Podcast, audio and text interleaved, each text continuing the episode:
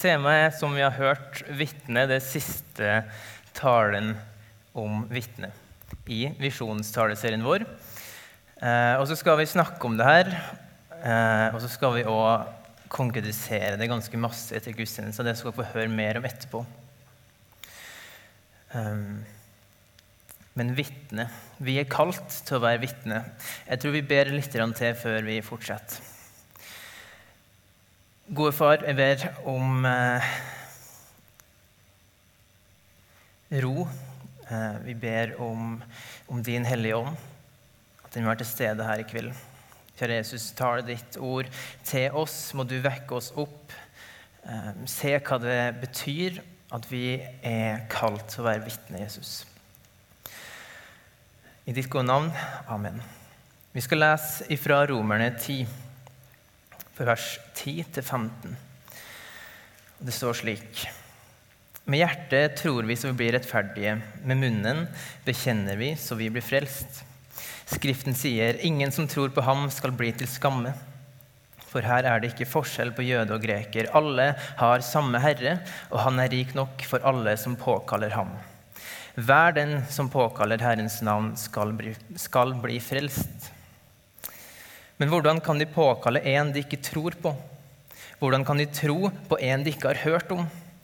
Hvordan kan de høre uten at noen forkynner? Og hvordan kan de forkynne hvis de ikke er utsendt? Det står jo skrevet hvor vakre de er, føttene til dem som bringer godt budskap. Sånn skriver Paulus det. Vi har en Herre som er rik nok for alle som påkaller Han.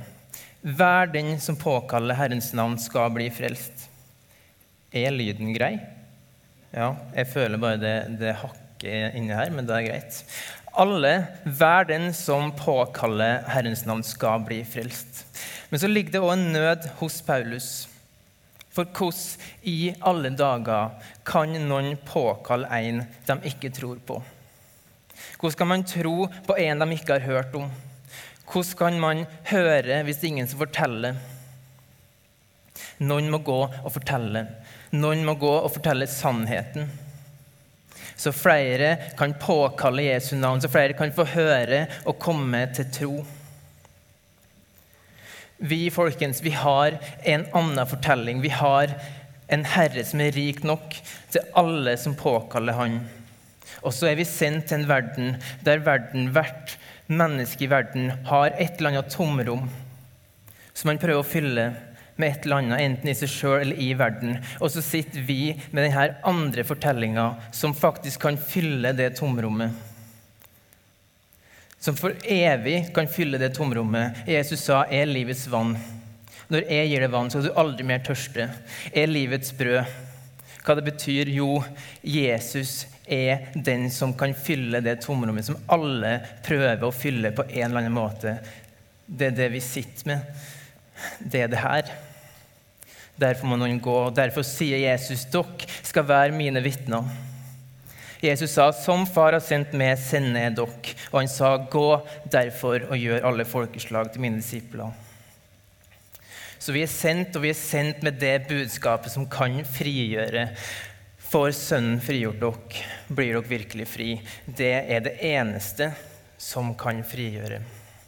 Så vi er sendt til verden, til Oslo, til Norge, til klassekameraten, til kollegaen, til naboen. Sendt for å være et vitne. Sendt for å fortelle. For hvordan kan de komme til tro hvis ikke vi, vi som vet det her, forteller? Hvis ikke vi vitner om det? Jeg skal løfte fram to korte poeng før vi går videre i talen. Det blir på en måte, ja, dere skjønner. To korte påminnelser, og det går til alle oss alle oss kristne. Og det, jeg tror det er to viktige poeng. Fordi vi som mennesker blir veldig litt fanga i oss sjøl og veldig fokus på oss sjøl. Og vi må få fokus over på Gud, og det gjelder også her i det å være et vitne. For enten så tror jeg du kjenner på det at det å være et vitne det er ikke så lett, jeg får det ikke til, jeg kan det ikke. Og Da ser du på deg sjøl og hva du klarer i deg sjøl. Eller så tenker du kanskje eh, jo, men jeg er ganske god til å være et vitne. Eh, kanskje er du da stolt over hva du klarer. Ergo fokus på deg sjøl. Men vet du hva? Det at vi er sendt, Det er Guds misjon. Og det er første poenget. Første poeng det er Guds misjon. Det er ikke din misjon, og dermed er det òg Guds ansvar. Vi må ha fokuset på Gud, Han som sender oss. Tenk over historien når Moses ble kalt. Moses han hadde rømt fra Egypt. Han hadde drept en egypter, rømt, eh, stakk til Midian. Der drev han og gjeta småfe til svigers når plutselig Gud åpenbarer seg i en brennende tornebusk. Gud sier det at ropet fra israelittene i Egypt det har nådd Gud. Og Nå skal Gud sette i gang sin redningsaksjon. Og Han går til Moses, og han vil sende Moses og sier, 'Gå, gå nå, jeg sender til farao. Du skal føre mitt folk ut av Egypt.' Og så svarer Moses egentlig veldig forståelig, ja, men, men Gud, hvem er jeg? Kan jeg gå til, gå til farao? Jeg er jo bare med. Kan jeg være den som fører israelittene ut av Egypt? En helt naturlig tanke. Og hva er det Gud svarer Moses? Jeg skal gå med dem. Og så sier Gud òg, 'Jeg er den jeg. Du skal si, 'Jeg er, har sendt meg'. I møte med Moses sin usikkerhet, i møte med Moses tilkortkommenhet, så vil Gud vende Moses sitt fokus bort fra seg sjøl og hans eh, tilkortkommenhet over på Gud, han som sender. Jeg skal gå med det. Gud sjøl, han som er 'jeg er'. Det er ikke Moses det står på, det er Gud, han som sender. Eh, men så blir ikke Moses helt overbevist. Han har fortsatt fokuset på seg sjøl. Ja, men Gud kan de ikke tror med. Og så viser Gud hva tegn Gud skal gjøre gjennom Moses for at folk skal forstå at han er sendt av Gud. Og så er ikke det heller nok. Moses har fortsatt fokus på det sjøl og sier men, men, Gud, hør, jeg, jeg, har aldri vært en ordets mann. Verken før eller nå. Jeg, jeg er treig til å snakke. Jeg kan ikke å snakke. Og så sier Gud, hvem gir menneskemunn? Hvem gjør stum eller døv, seende eller blind, er det ikke jeg, Herren. Gå nå, jeg skal være med, jeg skal være din munn, og lære deg hva du skal si. Moses er fortsatt ikke overbevist. Herre, vær så snill, kan du ikke se noen annen? Så står det, Da ble Gud brennende harm på Moses og sier, har du ikke din bror Aron? Han kan være med deg, han kan snakke. Snakk med han Eh, legg ordene i munnen hans, så skal jeg være med både din munn og hans munn. Og jeg skal lære dere hva dere skal gjøre. Det er masse vi kunne ha sagt om det her, men det vi ser, og det vi vil peke på, er i møte med Moses, som føler på det her kan ikke. I møte med Moses sin tilkortkommenhet, hva er det Gud gjør? Jo, han viser til hvem han er. Hva han er mektig til. Oppdraget som Gud ga Moses, det handla ikke om hvorvidt Moses var god nok til det. Det handla om Gud, han som sender. For Gud er den som kaller, Gud er den som utruster, Gud er den som dyktiggjør. Fordi det er han som har skapt oss. Det er han som gir menneskemunn, og det er han som gir oppdrag og sier 'gå', og jeg skal være med det, jeg skal utruste det. Og så kanskje kjenner vi oss igjen i Moses. Jeg gjør det fordi hvem jeg er til å gå og fortelle? Men jeg er redd. Jeg er ikke noe god til å snakke med fremmede. Det er ikke så masse jeg får til. Og så sitter jeg der med et enormt selvfokus, fokus på meg sjøl, i stedet for å ha fokus på Han som sender. Det er han som sender, som er mektig. Det er han som sender, som er ansvarlig. Gud har ikke sendt oss til verden fordi vi i oss sjøl er i stand til å gjøre dette oppdraget som Gud har gitt oss. Det er fordi han er i stand til å fullføre det oppdraget gjennom oss. Vi har fått et oppdrag, ja. Men byrden av det oppdraget det skal vi ikke legge på oss sjøl. Fordi det er en byrde som kun Gud kan bære, fordi det er Guds misjon. Og Da er det en fryktelig fryktelig, fryktelig dårlig plan å legge den byrden på deg sjøl og tro at du skal klare å bære en byrde som det kun er Gud som kan bære. Det er Gud som sender. Gud kaller ikke den dyktige. Han dyktiggjør den han kaller.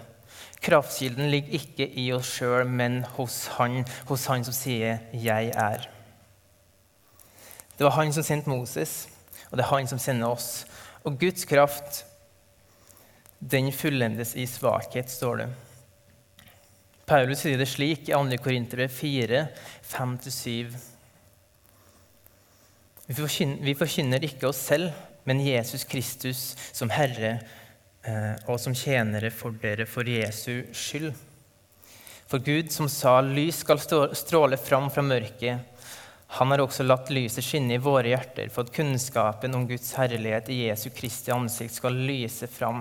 Men vi har denne skatten i leirkrukker for at den veldige kraften skal være fra Gud og ikke fra oss selv. Kraftkilden er ikke leirkrukka, kraftkilden er skatten.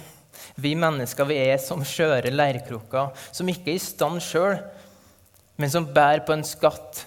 Og Slik blir det også tydelig for mennesker at det er ikke oss sjøl vi forkynner, det er ikke oss sjøl vi vitner om. Vi vitner om Gud, Han som sier 'Jeg er'.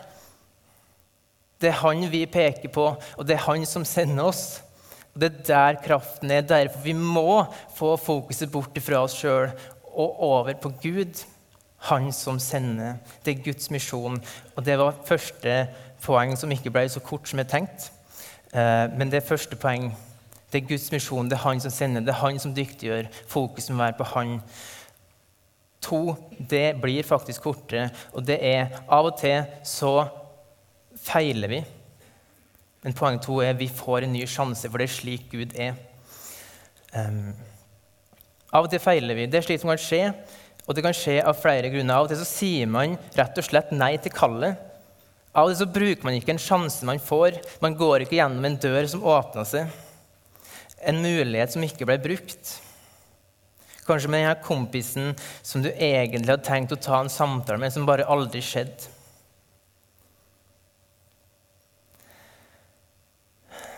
Historien om Jonah er en av de mer fascinerende historiene i Bibelen. synes jeg. Det blir liksom litt sånn her next level eh, med denne fisken og greier. Eh, det er jo sjuke ting.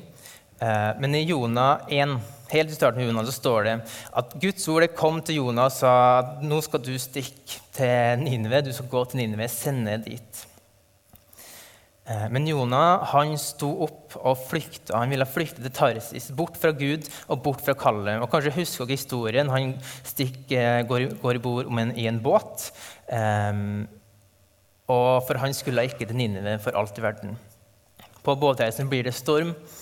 Eh, Løsninga blir å kaste Jonah ut av båten. En stor fisk sluker Jonah.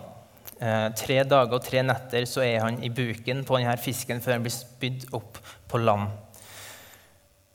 Og så står det etter at Jonah da altså har fått Herrens ord og kommet til han, han har fått et kall, han har stukket av, og så står det Herrens ord kom til Jonah for andre gang. Jonah fikk en ny sjanse. Det gjelder det òg. Av og til så stikker vi av fra kallet. Av og til så feiler vi. Men du får en ny sjanse. Herrens ord kom til Jonah for andre gang. Det er egentlig evangeliet i ei setning. Det er sånn Gud er. Vi får en ny sjanse. Og så tror jeg Det var litt samme med Jonah som det var for Moses. Han ville ikke fordi han la byrden på seg sjøl ved å bli sendt. Og han la ikke byrden på Gud, han som sendte han. For da var det ikke noe digg å skulle reise til Ninive. Men den andre gangen Guds ord og kall nådde Jonah, så lot han seg sende. Han gikk til Ninive, og folket der vendte om til Gud. Ikke pga. hvem Jonah var, men han gikk i tro på Gud. Han la ikke byrden på seg sjøl, men på Gud, han som sendte han. Så de to poengene. Vi skal ha fokus på Gud. Det er Guds misjon, det er ikke vår. Det er han som skal ha byrden av denne fokuset på han. Og to, av og til så feiler vi, men vi får en ny sjanse. Um, det er sånn Gud er. Vi går videre. Men vi som vi om i starten, vi er sendt til verden, til verden for å vitne. Fordi hvordan kan noen komme til tro? Hvordan kan noen høre uten at noen forteller? Misjonssalen er eid av eh, Misjonssambandet, og dermed så står vi i en ufattelig rik misjonshistorie. Vi har folk, troshelter, som har gått foran, og i dag forbilder i folk som har reist ut. Ofre alt for evangeliet, for at nye mennesker skal få høre om Jesus. Og så har jeg tenkt mange ganger hvorfor Hvorfor er mennesker villige til å ta en så stor risiko, ofre så mye?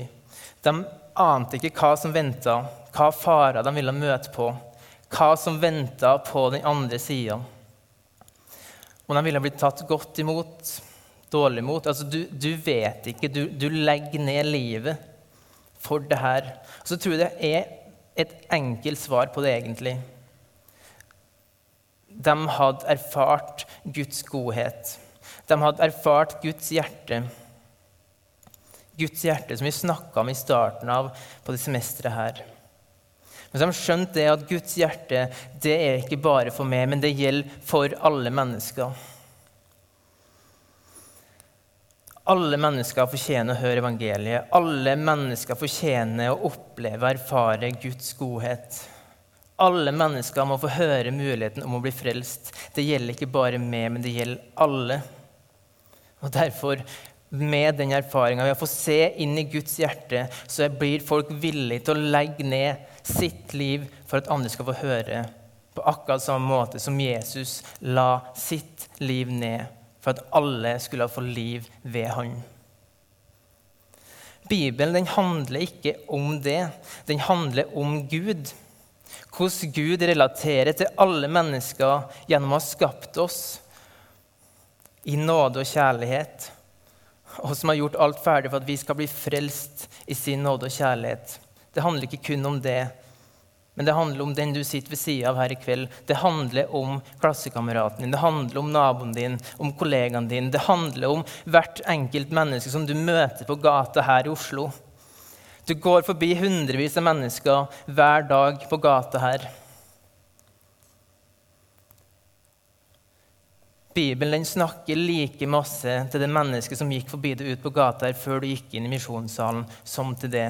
Guds hjerte for det mennesket er akkurat det samme som Guds hjerte er for det.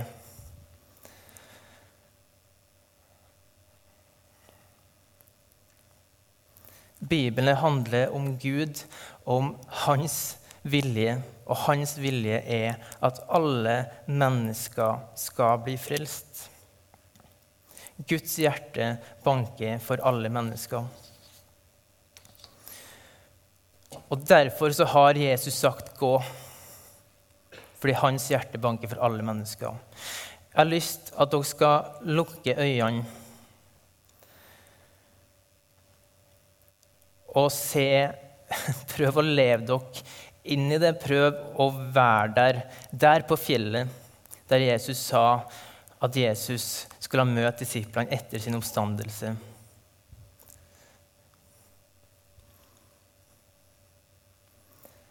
For det var ikke bare til de elleve da usikre disiplene han sa det her til, men han sa og sier det her til alle mennesker som tror på han, og som ønsker å følge han.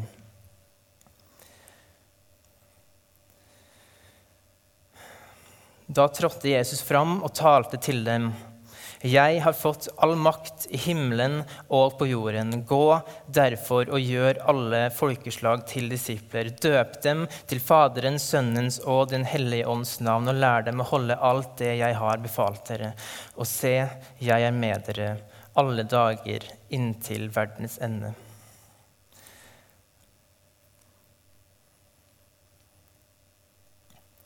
Det er en som har fått all makt. Gå derfor, gjør alle folkeslag disipler. Gå til dem som ikke har hørt. Gå til dem som ikke har forstått. Og gjør dem til mine disipler. Og så er det en som har lova å gå med. Han som sender, han går med, og han har fått all makt. På de gode dagene, der ting går fint, på de dårlige dagene, der alt virker håpløst, du ser ingen verdi i det du gjør, så går han med. Og selv om det er vanskelig, så skal du vite at når du er et vitne, så er eh, fotene dine vakre, som vi la som i starten. Hvor vakre de er, fotene, de som bringer godt budskap. Og det her er godt budskap. Dette er det beste budskapet. Det er det alle mennesker trenger å høre. Og så er det en finurlig greie. Nå las vi fra Matteus 28. Og så er det sånn at Matteusevangeliet altså Det står helt i slutten av Matteusevangeliet. I Matteus 1 så står det um, at jomfrua skal bli med barn og føde en sønn. Og De skal gi han navnet Immanuel. Det betyr Gud med oss. Det er noe av det første det står i Matteus 1. Så i Matteus 1 Gud med oss, Immanuel. Matteus 28, siste kapittel Matteus. Jeg skal gå med dere alle dager. Matteusevangeliet rammes inn av at, Gud, av at Gud går med. Gud går med. Han som sender oss, går med.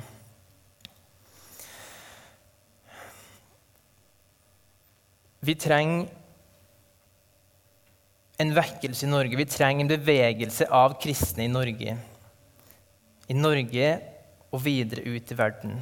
Og så er det sånn at den faktisk må starte med oss som er kristne. At vi i misjonssalen er i bevegelse ut til verden. At når vi går ut de dørene her, så går vi på Jesu befaling om å gå ut. At vi har en bevissthet om at vi er sendt til verden, sendt til Oslo, der vi er satt. Fordi mennesker må få høre. Mennesker må få høre. At vi er mennesker som søker Gud og erfarer Hans godhet. Og det ikke bare er for oss, men det er for alle mennesker. Guds hjerte for alle mennesker. Og på den måten får gå på Hans befaling og hans løfte om at han går med. Da stopper ikke det vi kan utrette med oss sjøl i vår tilkortkommenhet. For da går vi med Gud. For Gud er ingenting umulig. Guds kraft den kan faktisk fullendes i vår svakhet. Vi skal få opp bildet av en båt. Er det noen som vet hva båt det er? Titanic. Det stemmer. Mange som har sett filmen? Ja, det er deilig. Den er ikke så dum. Eh, filmen er nice, den, men så er det også sånn at filmen den forteller ikke hele sannheten om det som skjedde. I april 1912 Verdens største passasjerskip, verdens mest luksuriøse skip, verdens dyreste skip, verdens sikreste skip den ble bygd med sju vanntette skott i baugen som skulle gjøre at dette skipet skulle aldri synke. Fordi om ett eller to eller tre skott fikk vann i seg, så var det fortsatt mange skott igjen. 2000 mennesker var om bord, har gått om bord. Det var en verdensbegivenhet da skipet gikk fra, gikk fra land i England og skulle seile til Amerika. Halvveis over Atlanteren får de beskjed om at de ligger an til å bli verdens raskeste skip over Atlanterhavet. I tillegg til alle andre rekorder de har slått. Um, men så får også Titanic, Titanic, en beskjed fra det skipet her, um, som kommer nå, Californien. Det ligger veldig nært i området Titanic seiler. Og Beskjeden er at her er det masse, masse isfjell i området. Um, Californien de uh, mannskapet der bestemmer seg for, for, å stoppe opp. Gi beskjed over radioen at her um, er anbefalinga å ligge stille, for det er så masse isfjell. Kapteinen på Titanic kan tenke om så, nei, men da, da, mister vi muligheten til å være verdens raskeste over Atlanteren. så tar han, tar han en avgjørelse og sier nei, vi seiler likevel. En ny beskjed tikker inn fra Californien, men kapteinen på Titanic han velger å skru av radioen og gir full pinne inn i mørket. For det hadde blitt mørkt, det var stjerneklart, iskaldt. På baugen oppe på broa sett kaptein matroser som skal holde utkikk. Men det hjelper ikke. De oppdager et isfjell altfor sent. Og det tar tid å manøvrere en stor båt. Og i stor fart så krasjer de inn i et isfjell, slik at ett, to, tre, fire, fem, seks vanntette skott blir fylt med vann. Det var livbåter om bord, med plass til 60 personer i hver livbåt. Noen til 45. Det blir sagt at Den første livbåten blir satt på sjøen. Den hadde tolv personer i seg. Mange ledige plasser. Kapteinen på Titanic kan sende ut nødsignal. Vi er i fare. Vi trenger hjelp. Kom og redd oss. Kapteinen på Californien han hadde lagt seg til å sove. Noen på båten hører SOS-signalet. De går og vekker kapteinen og spør hva er det vi skal gjøre. Men kapteinen svarer nei, men det, det her er faktisk for farlig. Californien var et ganske nytt skip, et ganske dyrt skip. Og så gjorde kapteinen det her som man ikke skal gjøre som sjømann. Han sa nei til å redde mennesker i livsfare. Folka på Titanic begynte å sende opp nødraketter, og Californien lå bare ni km unna. De så rakettene fra båten.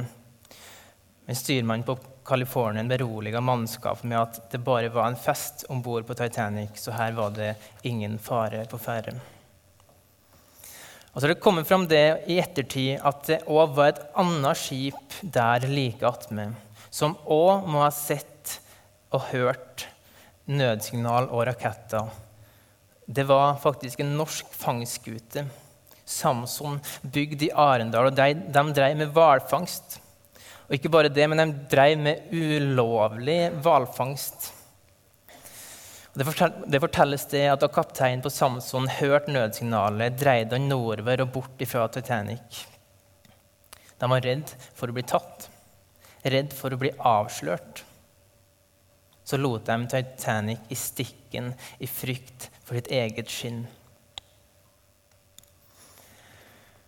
En av dem som overlevde Titanic denne kvelden, har skrevet senere at lyden av Titanic som sank, det var den verste lyden som han noen gang hadde hørt. Og Så kan man tenke ok, hva lyd er det? Hva lyd er det av en båt som synker? Men så tror jeg ikke det var lyden av en båt som synker han tenkte på. Det var lyden av mennesker som dør. For det var over 1300 mennesker som døde den natta, mens kapteinen desperat sto og sendte ut signal. Men så var det òg et fjerde skip, Carpathia. De lå lengre borte. De lå langt borte, og det var et gammelt skip, rustent, ikke i veldig god stand. Kapteinen hørte nødsignalet, og da han hørte det, så falt han ned på kne og ba. Gud, om mulig, så la meg i alle fall redde noen. Og så beordra han full fart i retning Titanic. Den natta, inn i mørket, forbi isfjella, seilte Carpathia. Og den natta så berga Carpathia 705 mennesker. Så du har de her tre skipene rundt Titanic, Californien, Samson og Carpathia. Og Kanskje kan man si det at de her tre båtene beskriver tre ulike mennesker. Alle hadde hørt kallet. Californien. Skipet var for fint. Det var for stor risiko. Vi vet ikke hva som kan skje, hva kostnadene blir. Kanskje krasjer vi et isfjell, kanskje klarer vi det ikke. Kanskje ender vi opp med å synke. Nei, det er holdes i ro. Her er det trygt og godt. Og så er det kanskje noen kristne som er slik. Nei, men det blir for farlig. Vi vet ikke om vi kan stole på Gud. Vi vet ikke hva som skjer. Og så holder man seg i ro, kanskje innenfor kirka, kirka sine fire vegger, fordi her er det trygt og godt. Og Kanskje er det også noen som Samson, som driver med noe som ikke tåler dagens lys. De hører kallet, kanskje forstår de noe av Guds hjerte. Men så vil man heller drive på med det man driver på med. Og så er det noen som Carpathia. Alt er ikke perfekt. Litt rust her og der. Alt er ikke på stell, man vet det. Men på tross av det, på tross av litt rust og litt hangle, hanglete greier, liksom, så kan man felle ned på kne med fokuset på Gud, han som sender, han som kaller, og si, Gud, du kan utruste meg. Gud, om mulig, så la meg i alle fall få redde noen.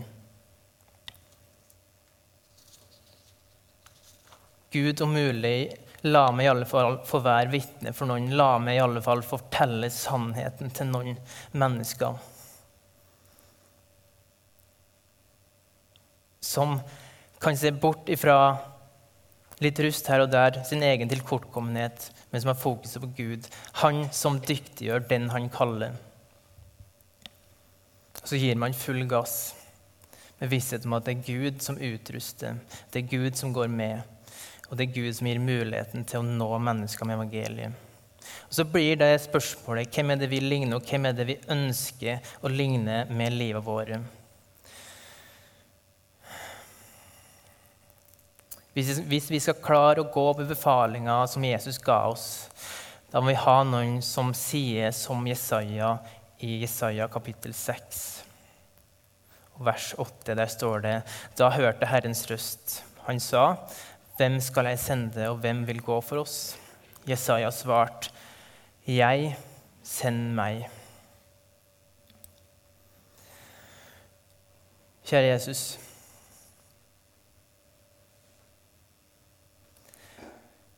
Vi ber om at du utruster oss og dyktiggjør oss til oppdraget som du har gitt oss, til befalinga du har gitt oss om å gå ut.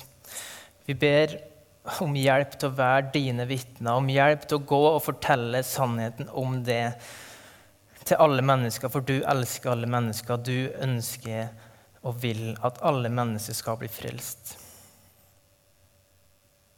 Må du sette oss i bevegelse, Jesus. Du sender oss ut. Og må du bruke oss til det oppdraget her. Vi ber om det i ditt gode navn, Jesus. Amen.